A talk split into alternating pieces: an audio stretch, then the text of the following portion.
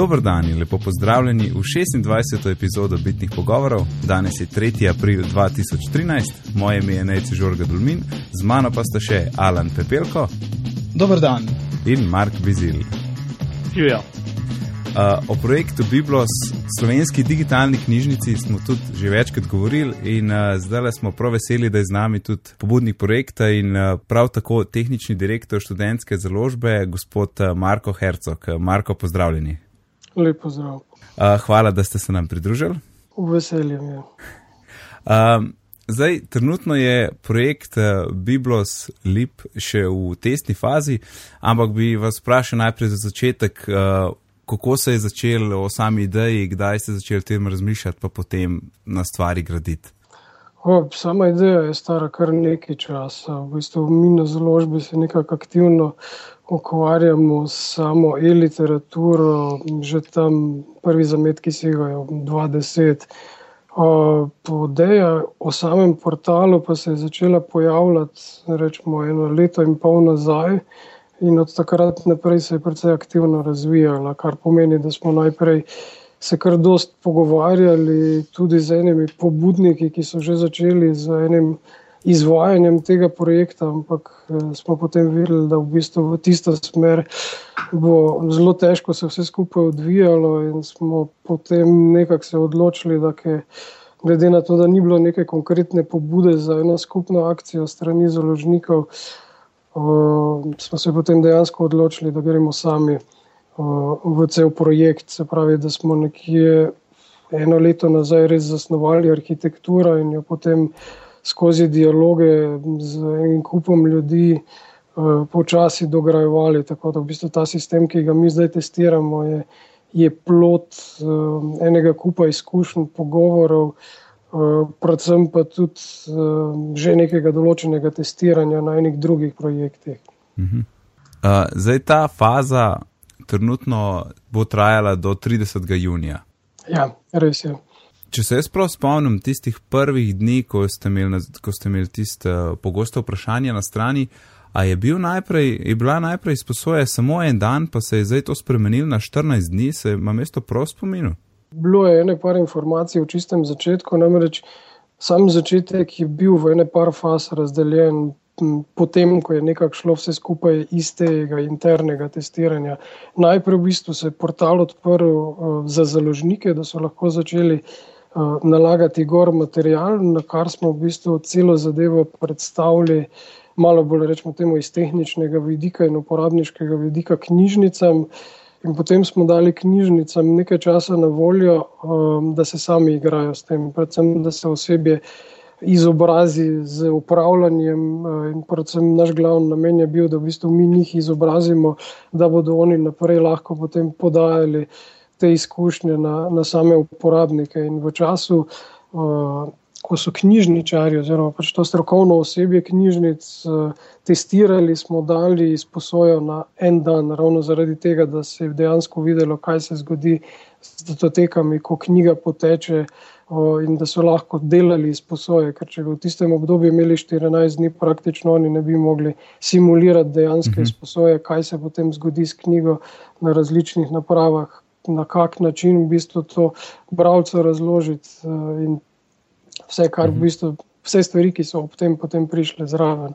Za njih, kot, ker dejansko velika večina njih se je prvič srečala sploh z elektronskim mm. gradivom na tak način, kot, kot je v bistvu tukaj bilo vse skupaj zastavljeno.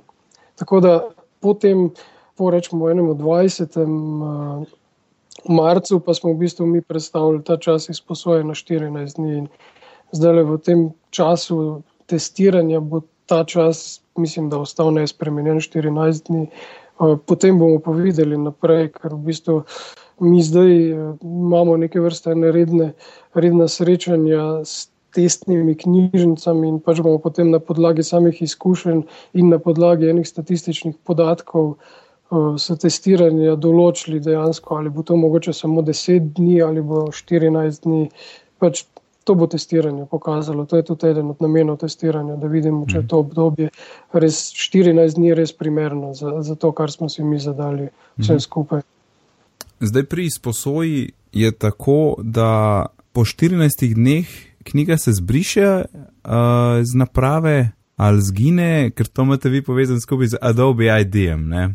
V bistvu je tako, da, da to teka ima noter ugrajen časovni ključ, zraven pač ostalih preverjanj. E, je vse skupaj v povezavi z Adobe ID-jem, e, ki v bistvu tudi skrbi za to, da ni zlorabe, ker Adobe ID uh, precej pazi na, na samo uro v sistemu in, in dokaj hitro, precej negativno reagira na to, če naprava ni časovno uh, usklajena. Eh, tudi kar se samega časovnega pasa pa tega tiče, znam imeti nekaj problemov.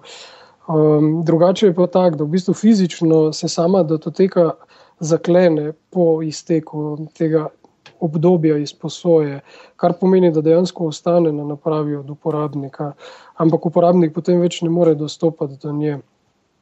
Uh, edina razlika so ti bralniki, ki smo jih mi čisto ekstra uh, postavili uh, in prilagodili za knjižnice, tam pa je zadaj en sistem, ki v bistvu sam počisti te datoteke v tem času, ki potečejo. Ampak to je zaenkrat zgolj eno omejeno število bralnikov, ki smo jih mi uh, ekstra samo za knjižnice dobavili, jih prilagodili uporabi v knjižnicam in uh, nimamo namena jih v neko prosto prodajo dajati ali kaj mhm. takega pri teh licencah za te knjige, je to potem, kar se knjižnice tiče, isto kot bi kupila pet analognih knjig?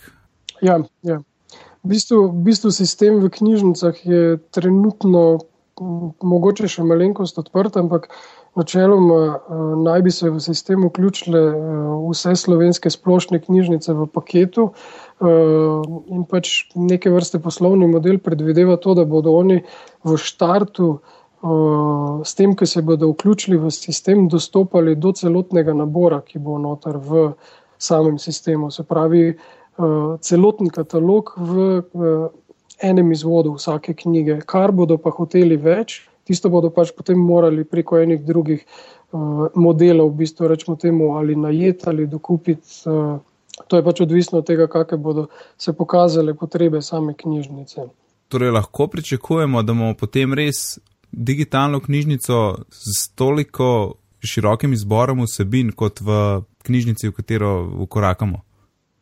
Načeloma, ja, čeprav v bistvu mi zdaj precej intenzivno pritiskamo na založnike, ker uh, je tudi pri njih potrebno narediti nek poriv dobesedno, da uh, kar nekateri še niso najbolj prepričani v tole in v bistvu mi zdaj delamo uh, kar intenzivno na tem, da jih prepričujemo, predvsem pa tudi zdaj vidijo, da sam sistem funkcionira in da sam sistem je že neka realnost, ni to nekaj, o čem se v bistvu samo zgolj govori ali pa je nekje v tujini prisotno. Mhm. Tako da mi računamo, da nekje do začetka oziroma do konca testnega obdobja bo ob, nabor gradiva obsega okoli tisoč knjig. Mhm. Mislimo, da pa potem, ko se bodo enkrat začele uh, eh, ki se bo enkrat začelo dejansko delovanje, da se bo številka kar povečevala. Namreč, kar zdaj vidimo, da so mogoče založniki še malenko zadržani, predvsem zaradi tega, ker v testnem obdobju ni nobenih finančnih transakcij. V bistvu niti knjižnice nimajo nobenega stroška s tem, kar pomeni, da tudi založniki, ki svoje knjige dajo noter uh, za njihovo uporabo, ne dobijo. Popolnoma ničesar v mhm. tem obdobju. Potem se bodo stvari spremenile, ampak uh, zdaj so pri nekaterih še najbrž tudi zadržki na tem področju. Zdaj, ko vsakeč rečete založnik, mislite na slovenske, ne, seveda. Ja, predvsem mislimo v štartu na slovenske založnike. Uh mhm. -huh. Ker tudi tole je portal, ki je namenjen primarno slovenski knjigi, ker pač je situacija v svetu z ta velikimi igravci takšna, da v bistvu je, jih je rečemo, zelo malo, ki, ki, kjer v bistvu se sploh da slovensko knjigo plasirati. -hmm. Pa še tam so rečemo, pogoji dokaj nezanimivi, uh, ali za uporabnika, ali pa za založnika. Mm -hmm. Ja, sej, se tudi zato smo tlele, vsi, ki delamo na tem podkastu, smo navdušeni, ne, da se nekaj v tej smeri odvija, na, v, v smeri slovenskega jezika in digitalnih knjig. Uh, tale začetna faza, zdaj imate mogoče že kakšno statistiko, koliko uporabnikov se je prijavil s Kobis uh, ID? V bistvu naša statistika je zdaj v tem trenutku, mi vidimo, da je aktivnih okoli 6000 uporabnikov. Um, ta ena groba statistika kaže, da več ali manj vse čas visi gor v poprečju okoli 20 ljudi. Zdaj samih številk izposoje še nimam, mislim, da ta, rečemo, te knjige, ki so bile najbolj izposojene, so tam nekje okoli 150 izposoj, mislim, da je tista, ki je največkrat bila izposojena. Potem pa je vem, na drugem mestu knjiga, ki ima nekaj čez 100, potem tretje mesto ena, ki ima malenkost manj kot 90 izposoj in tako naprej. V glavnem pač prvih pet knjig, ki so, vidimo, da kar fejst korožijo. Ne. Je pa v bistvu nimamo, zdaj ravno konec tedna pripravljamo prvo statistiko, mhm. kjer bo predvsem ena študija obnašanja bralcev. Ker vidimo, da ogromno, predvsem kar se navade tiče, vidimo, da še ogromno ljudi, ki, ki želi e-knjige brati, predvsem na desktop aplikacijah, se pravi, kar enostavno na PC-jih. Kar je v bistvu proti našim pričakovanjem, smo vseeno pričakovali malenkost več mobilnih naprav v vsemu skupaj. Ne. Ja, ampak to je tudi zdaj mogoče še, dokler ne bojo, vem, da mobilne aplikacije še prilagajate ne? In uh, mogoče, ko bo ta faza končana, da se to malo spremeni. Ja, upajmo, da. Ne, ker, nimamo nekega res uradnega podatka, koliko je mobilnih naprav v Sloveniji. Vidimo, da ima ogromno ljudi Kindle, zato ker je ogromno vprašanj na temo, kako spraviti knjigo iz Bibliosa na Kindle. Mm. Po naših izkušnjah je tudi kar nekaj kobotov, kar pa vidimo, da bralcem več ali manj že kar uspeva na kobot spraviti knjigo, čeprav morajo skozi. Adobe Digital Edition, vse skupaj narediti, kar ko bo načeloma, ima sicer nek eksperimentalen browser, ampak uh, ni še to čisti pravi način. Čeprav je pa res, da v bistvu uporabljamo enak sistem, kot ga Kobo uporablja, kar se zaščite tiče. Uh mhm. -huh. In je vse skupaj kompatibilno. Ne. Na strani vem, da imate napisan, da na Kindle pač se ne da dati, ampak um, čistko, če je kdo noro tehničen, je možno spraviti ali bi se mogel potem že lotiti tega, da v bistvu kreka samo knjigo? Ja, jaz mislim, da brez nekega krekanja ne bi šlo, ker glavni problem je v tem, da vseeno more naprava podpirati Adobe ID in Kindle je pač ena od naprav, redkih naprav, ki nima podpore za Adobe ID in to je glavni problem. Mhm. Zraven tega, seveda, tudi v bistvu, da mi primarno delamo v EPUB formatu, ki, je, ki ga pa Kindle ne podpira na noben ja, način. Ja, ja, Se pravi, da bi najprej moral nekdo skrekati zaščito, potem bi moral vse skupaj še konvertirati v mobi format, ja. in potem bi si lahko vse skupaj naložil na Kindle. Mhm. Tale Adobe ID omogoča, da knjigo, ko si jo sposodimo, beremo recimo na dveh mobilnih napravah hkrati. Ne, Adobe ID omogoča, da knjigo beremo na petih napravah. Se pravi, mi lahko naenkrat z enim Adobe ID asociramo pet naprav, šeste nam potem več ne pusti. Kar mhm. pomeni v bistvu, da vsako knjigo, ki si jo nekdo sposodi, si jo dejansko lahko prenese na svojih pet naprav, mhm. različnih. Mhm. No, se je to, ne? ker pač. To je me žena takoj vprašala, vsak ima svoj iPhone, pa še en Kindle, zdaj pa lahko isto knjigo bereva. Ne? To je bilo takoj vprašanje. Ja, ja seveda se lahko. Pač pomeni, da je v bistvu vsako napravo treba za istim Adobe ID-jem asocirati. Mhm. Zato, ker potem, ko se knjiga enkrat odpre, je, uh, je v njej zapisano, oziroma je v Adobe zapisano, s katerim ID-jem se je odprla in ono mogoče potem odpiranje zgolj še na ta način z napravami, ki so asocirane z uh, tem prvim hmm. Adobe ID-jem. Zdaj iz tega sklepam, da pomeni, da mora biti naprava vedno povezana v internet. Ne, ne. Zato, ker to preverjanje Adobe ID je ena precej kompleksna zadeva. Uh, in pač vi, ko enkrat stvar prenesete dol, uh, oziroma pač ko asocirate napravo, uh, vsakič, ko se bo prenesla knjiga dol, takrat se bo v bistvu naredilo to preverjanje. Se pravi, za sam prenos datoteke je treba biti povezan v internet in ja. ravno takrat, ko pride do tega prenosa, samo takrat se v bistvu izvrši ta uh, preverjanje Adobe ID-ja. Ampak. Če jaz samo prenesem na računalnik, pa še ne odprem v bralniku, potem ne more biti preverjanje še izvedeno. Uh, načeloma na računalnik se datoteke ne da pre, prenesti. Uh, zato, ker uh, prenese se zgolj lahko ta ACSM datoteka, ki pa je v bistvu neke vrste samo pot do same datoteke. Datoteko je pa treba odpreti z programom, ki podpira vse to skupaj. Aha. Fizično se ne da datoteke, rečemo, save as nekam na desktop, ampak rečemo na PC-ju ali pa na Macu, je treba iti v Adobe Digital Edition, ki v bistvu je ta, ki zna potem prebrati to ACSM datoteko, ki v bistvu je tista, ki potem poskrbi za to, da se prenese dejansko Mhm, datoteka mhm. knjige na samo napravo. Mhm. Zdaj pa v, na mobilnih napravah oziroma na tablicah v bistvu to poteka lahko že nam, našim očem precej skrito, zato ker one že poznajo to relacijo in v bistvu izvedejo prenos, brez da bi mi sploh videli, da se je vmes še ena datoteka prenesla, ki je v bistvu neke vrste trigger mm. za vse skupaj in je sprožila dejansko nalaganje šele tiste prave datoteke. Mhm. Ja, sej, sej ravno to se mi je zgodilo na, na Meku.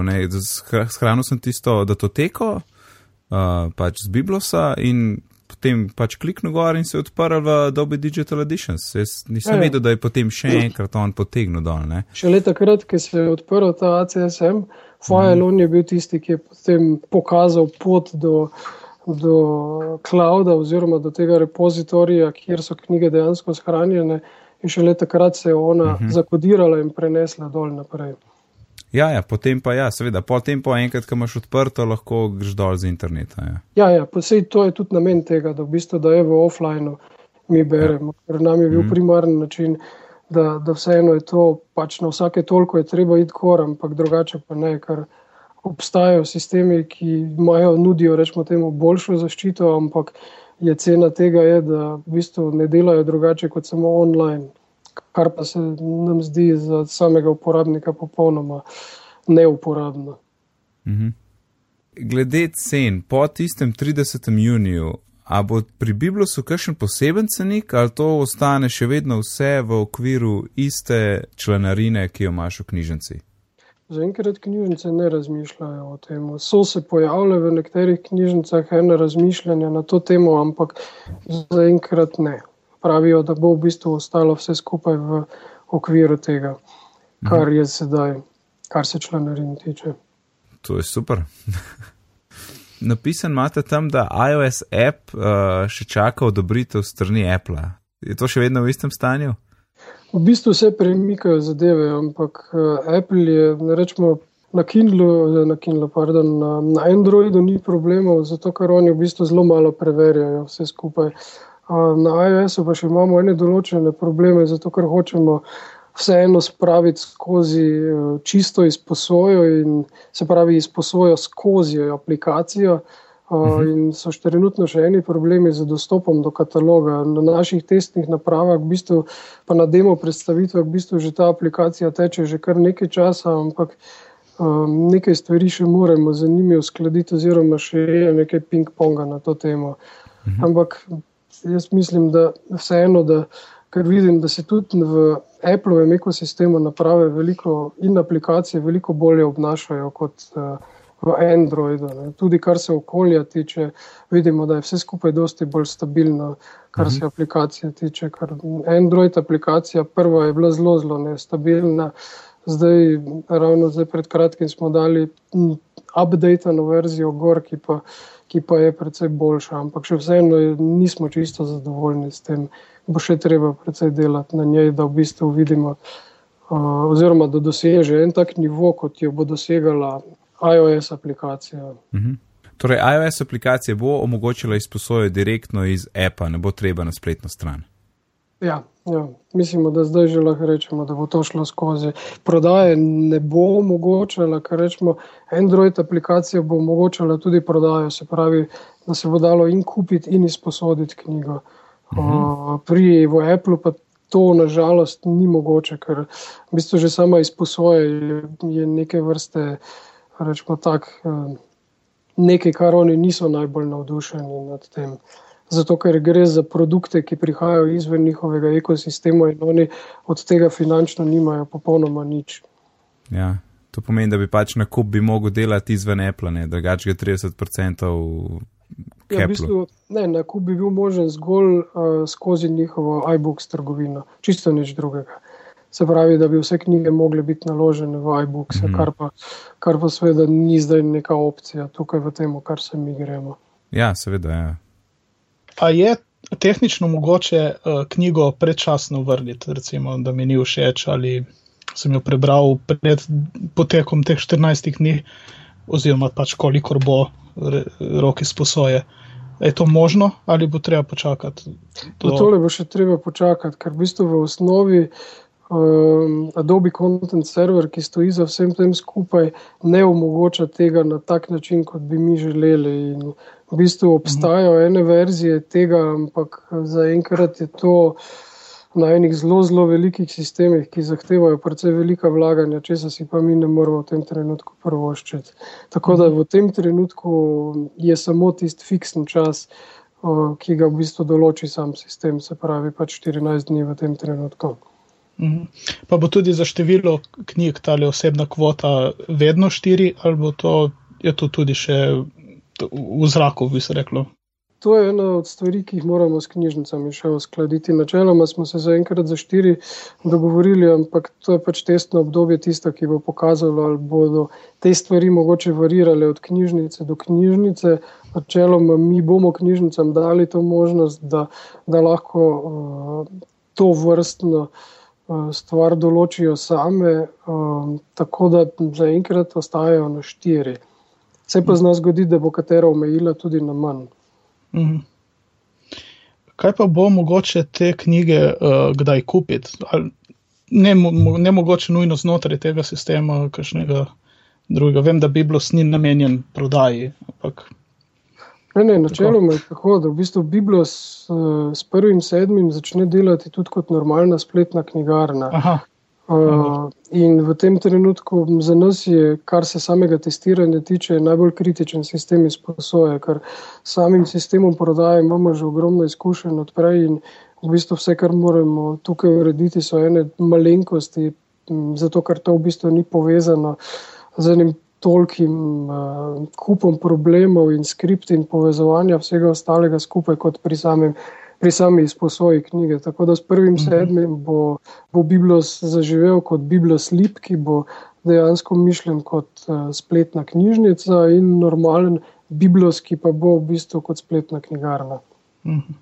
In se tudi uh, se zna zgoditi, da bodo knjige, ki bodo v knjigarni, ne bodo pa v knjižnici, predvsem zaradi samih pravic, ker mhm. načeloma. Uh, uh, obstajajo možnosti, oziroma pač, kar se pravic tiče, predvsem kar se tuje literature tiče, se zna zgoditi, da nekateri založniki ne bodo imeli pravic za izposojo, oziroma da bodo imeli pravice samo za prodajo.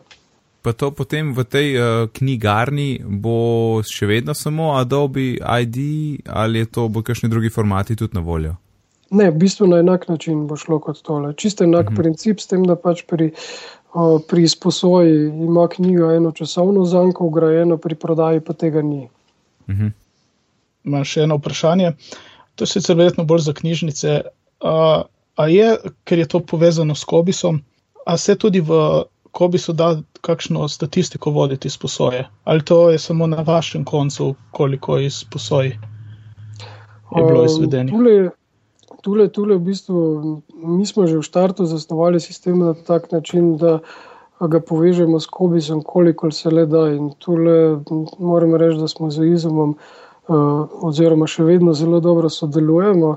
Uh, namreč mi uh, imamo cel sistem povezan v, uh, z kompletnimi stvarmi, ki jih rabi knjižnica za svoje delovanje. Se pravi, po eni strani mi dostopamo do uporabniških podatkov, preko čega omogočimo uporabniku, da se uh, čisto normalno logira v Biblijo s svojimi podatki za vstop v mojo knjižnico, uh, kar je v bistvu online, on-time sistem.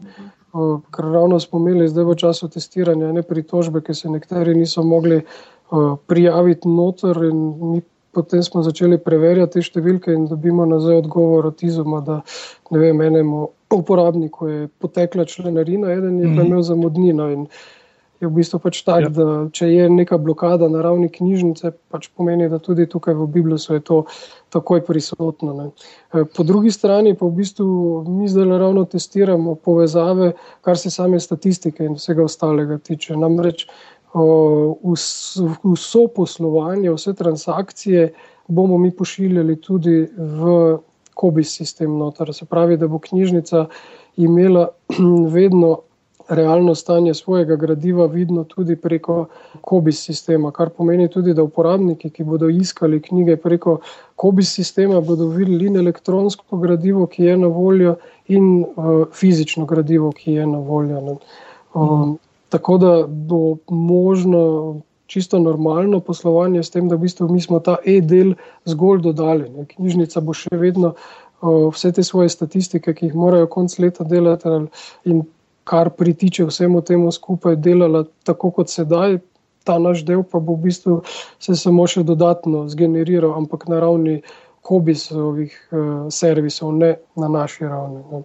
Mi bomo seveda imeli en kup drugih statistik, ki pa bodo predvsem šle na temo obnašanja uporabnikov in bralnih navad in takih stvari. Uh, Dočim, kar se pa pač teh, rečemo, temu službenih statistik tiče, pa bodo vse na voljo znotraj hobijstva.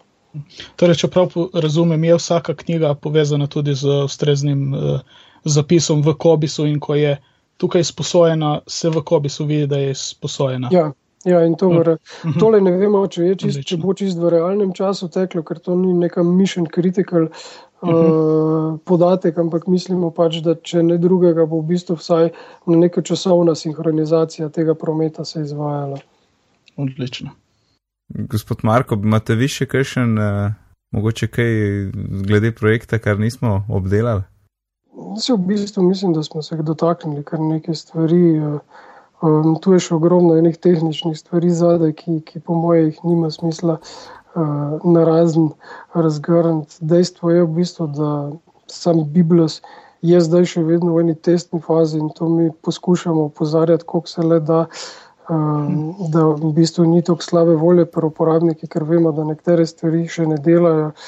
Predvsem se poskušamo zdaj v tem obdobju testiranja ogromno naučiti, uh, preučiti scenarije, ki jih nismo mogli sami prej potestirati. Uh, mislim, da tukaj so knjižnice tudi zelo dober partner in v bistvu prihajajo z zelo dobrim feedbackom nazaj. Ne. Lahko povem, da imamo tudi ogromno odziva na mail, kjer zraven nekih vprašanj dobivamo tudi ogromno ene spodbude, kar v končni fazi vidimo, da je nek korak v pravo smer, vse skupaj.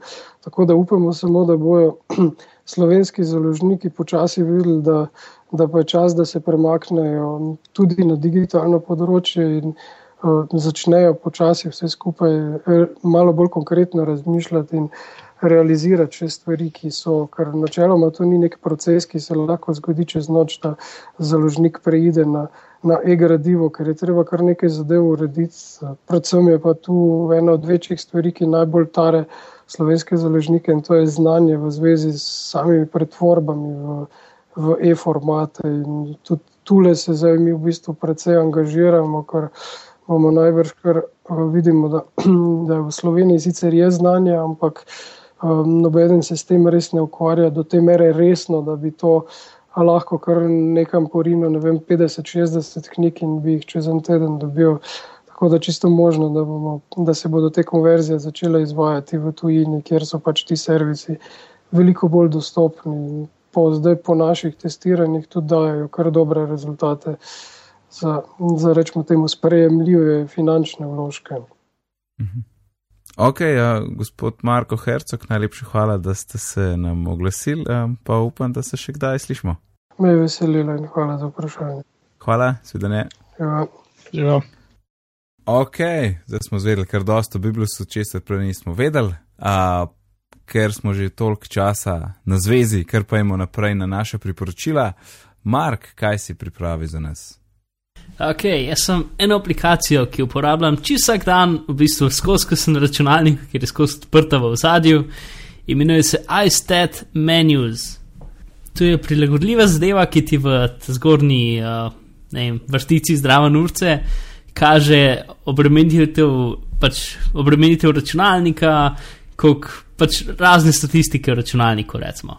Um, Pol lahko imaš tudi pač zamenjati lahko uro, zamenjati lahko uno default baterijo, ti da več podatkov. Ne, recimo, če kliknem na mojo baterijo, mi piše, da, da je trenutno 78%, še 2 ure 40, uh, da si imel 66 krat polno do zdaj in da je, in da je 89% zdrava, karkoli to pomeni. Ampak tisto, kar res to bolj uporabljam, je recimo pač, koliko je trenutno procesor obremenjen. Na tem računalniku v bistvu to ni tako zelo grozno pomembno, kot je bilo na prejšnjem, ki je bil bolj nemočen in sem mogel skozi gledati.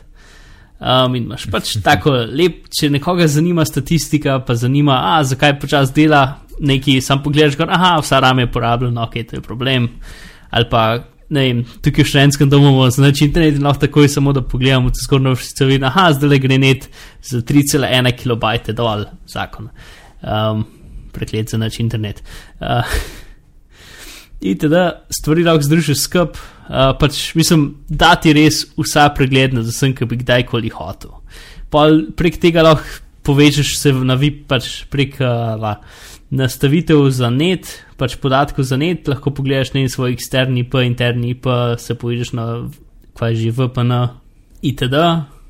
Um, pol imaš vem, nadzor nad ventilatorji, lahko štimaš ventilatorje, lahko ugotoviš, da se uh, da je trenutno luč v, luč v ekranu uporablja 46 voltov ali vatov, predvidevam, vatov, in da baterija trenutno dela z 2,89 ampera, in da je moja trenutna ambientna svetloba minus 4 lukse.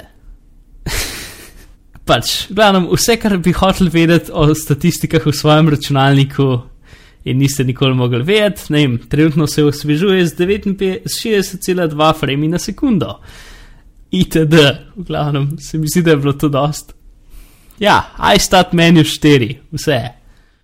ja, no, kul, cool, super, super, hvala. Uh, no, Alan, ti, ti pa rad tečeš pravi zapisek za tale podcast. Uh, e, ja, tako le, rad, no. rad bi rad tekel. ja, poznam to. Ja. tako le. Ah, in uh, uh, se, se trudim, V 19. epizodi moje tehnice Twitter sem uh, med API, -o, med uh, aplikacijami, o, smo dokumentiranje življenja, predlagal mm -hmm. Sports Tracker za beleženje teka. Ampak uh, meni je v Sports Trackerju manjkala ena funkcija, ki mi v tem apu, ki, v tej aplikaciji, ki, danes, ki jo danes priporočam, ta aplikacija ima. Uh, aplikacija se imenuje Runkeeper jaz pač spet en traker uh, teka oziroma hoje ali kakršne koli druge take športne aktivnosti, razen kakšnih borilnih veščin, verjetno ne bi bilo njih najboljše to trekati. Uh, funkcija, ki mi je manjkala tam, ki ta ima, je namreč plan teka. Uh, ta aplikacija omogoča, da vnesemo vanjo plan, takšen, kot smo si ga zamislili, uh, recimo toliko minut počasnega teka, potem toliko minut hitrega teka in dodatnih toliko minut sprinta in to ponovi x krat po želji.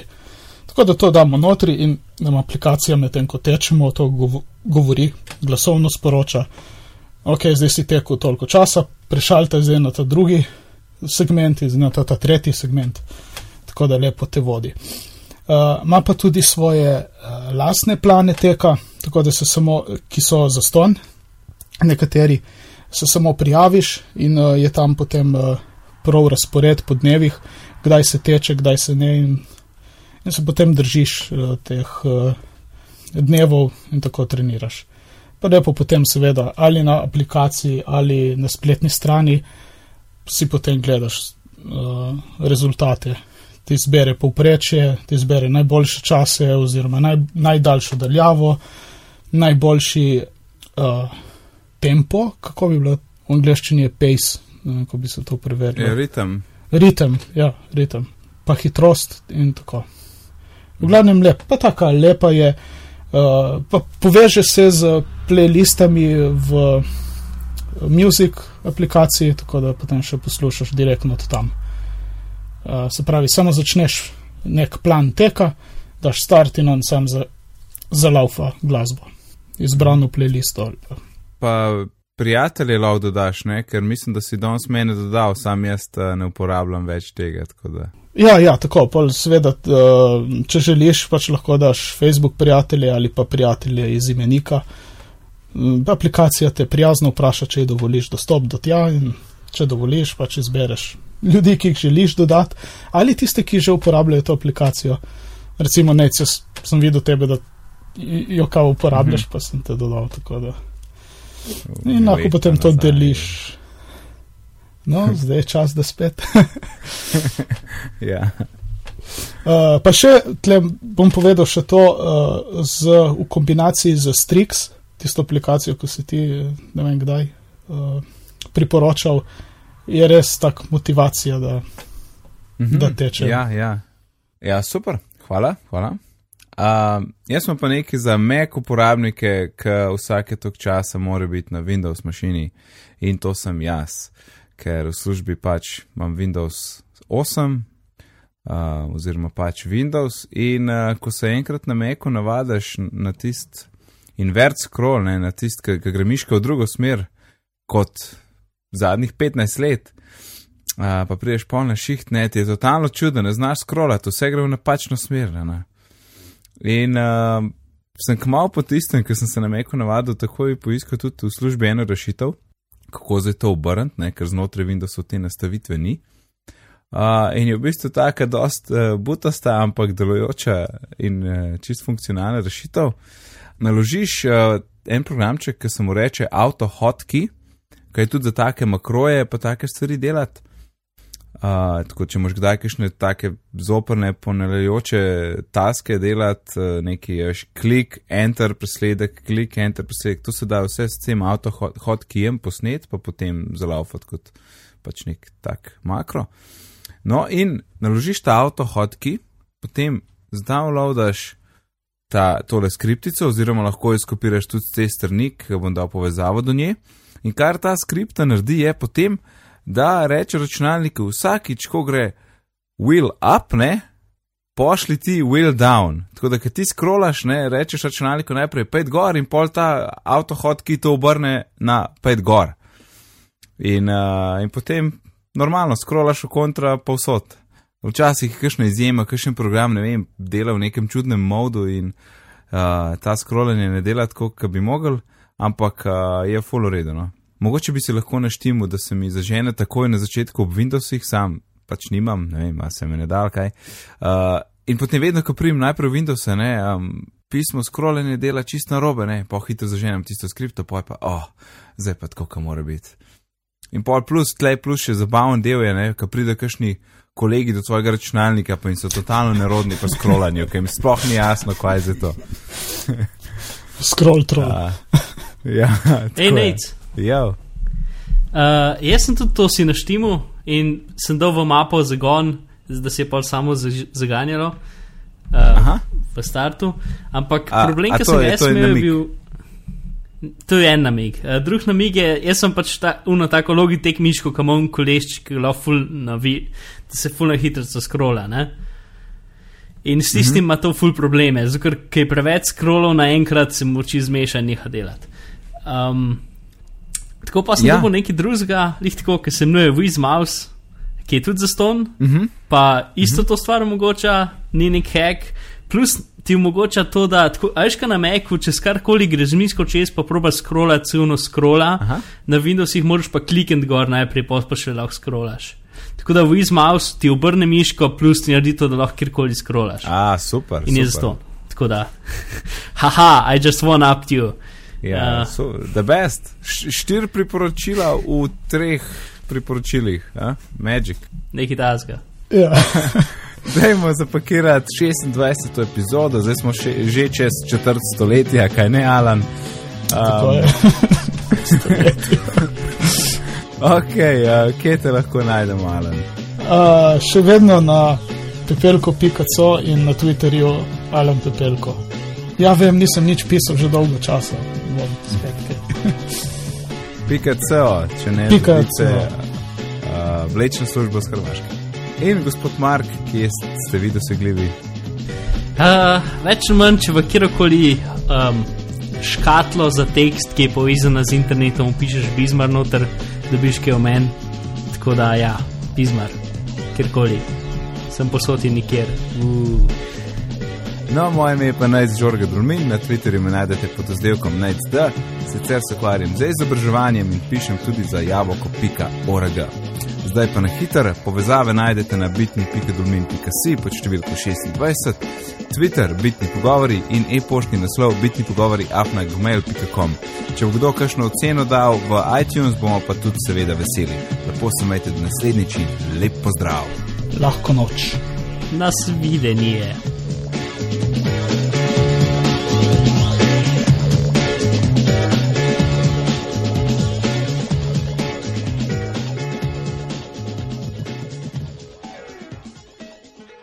Mark, a, a, a, a, se, a se slišmo? Ja, Ok, zato ker tebe je vmes full prekinjal in videl sem vas antih, pa sem mislila, naj pove. Pol si dol padel z pogovora in pol si prišel nazaj in pol si še kar govoril. Aj, se čakam za hišo feedback, ampak dobro, vse ok, sem sam govoril, govoril, govoril. govoril.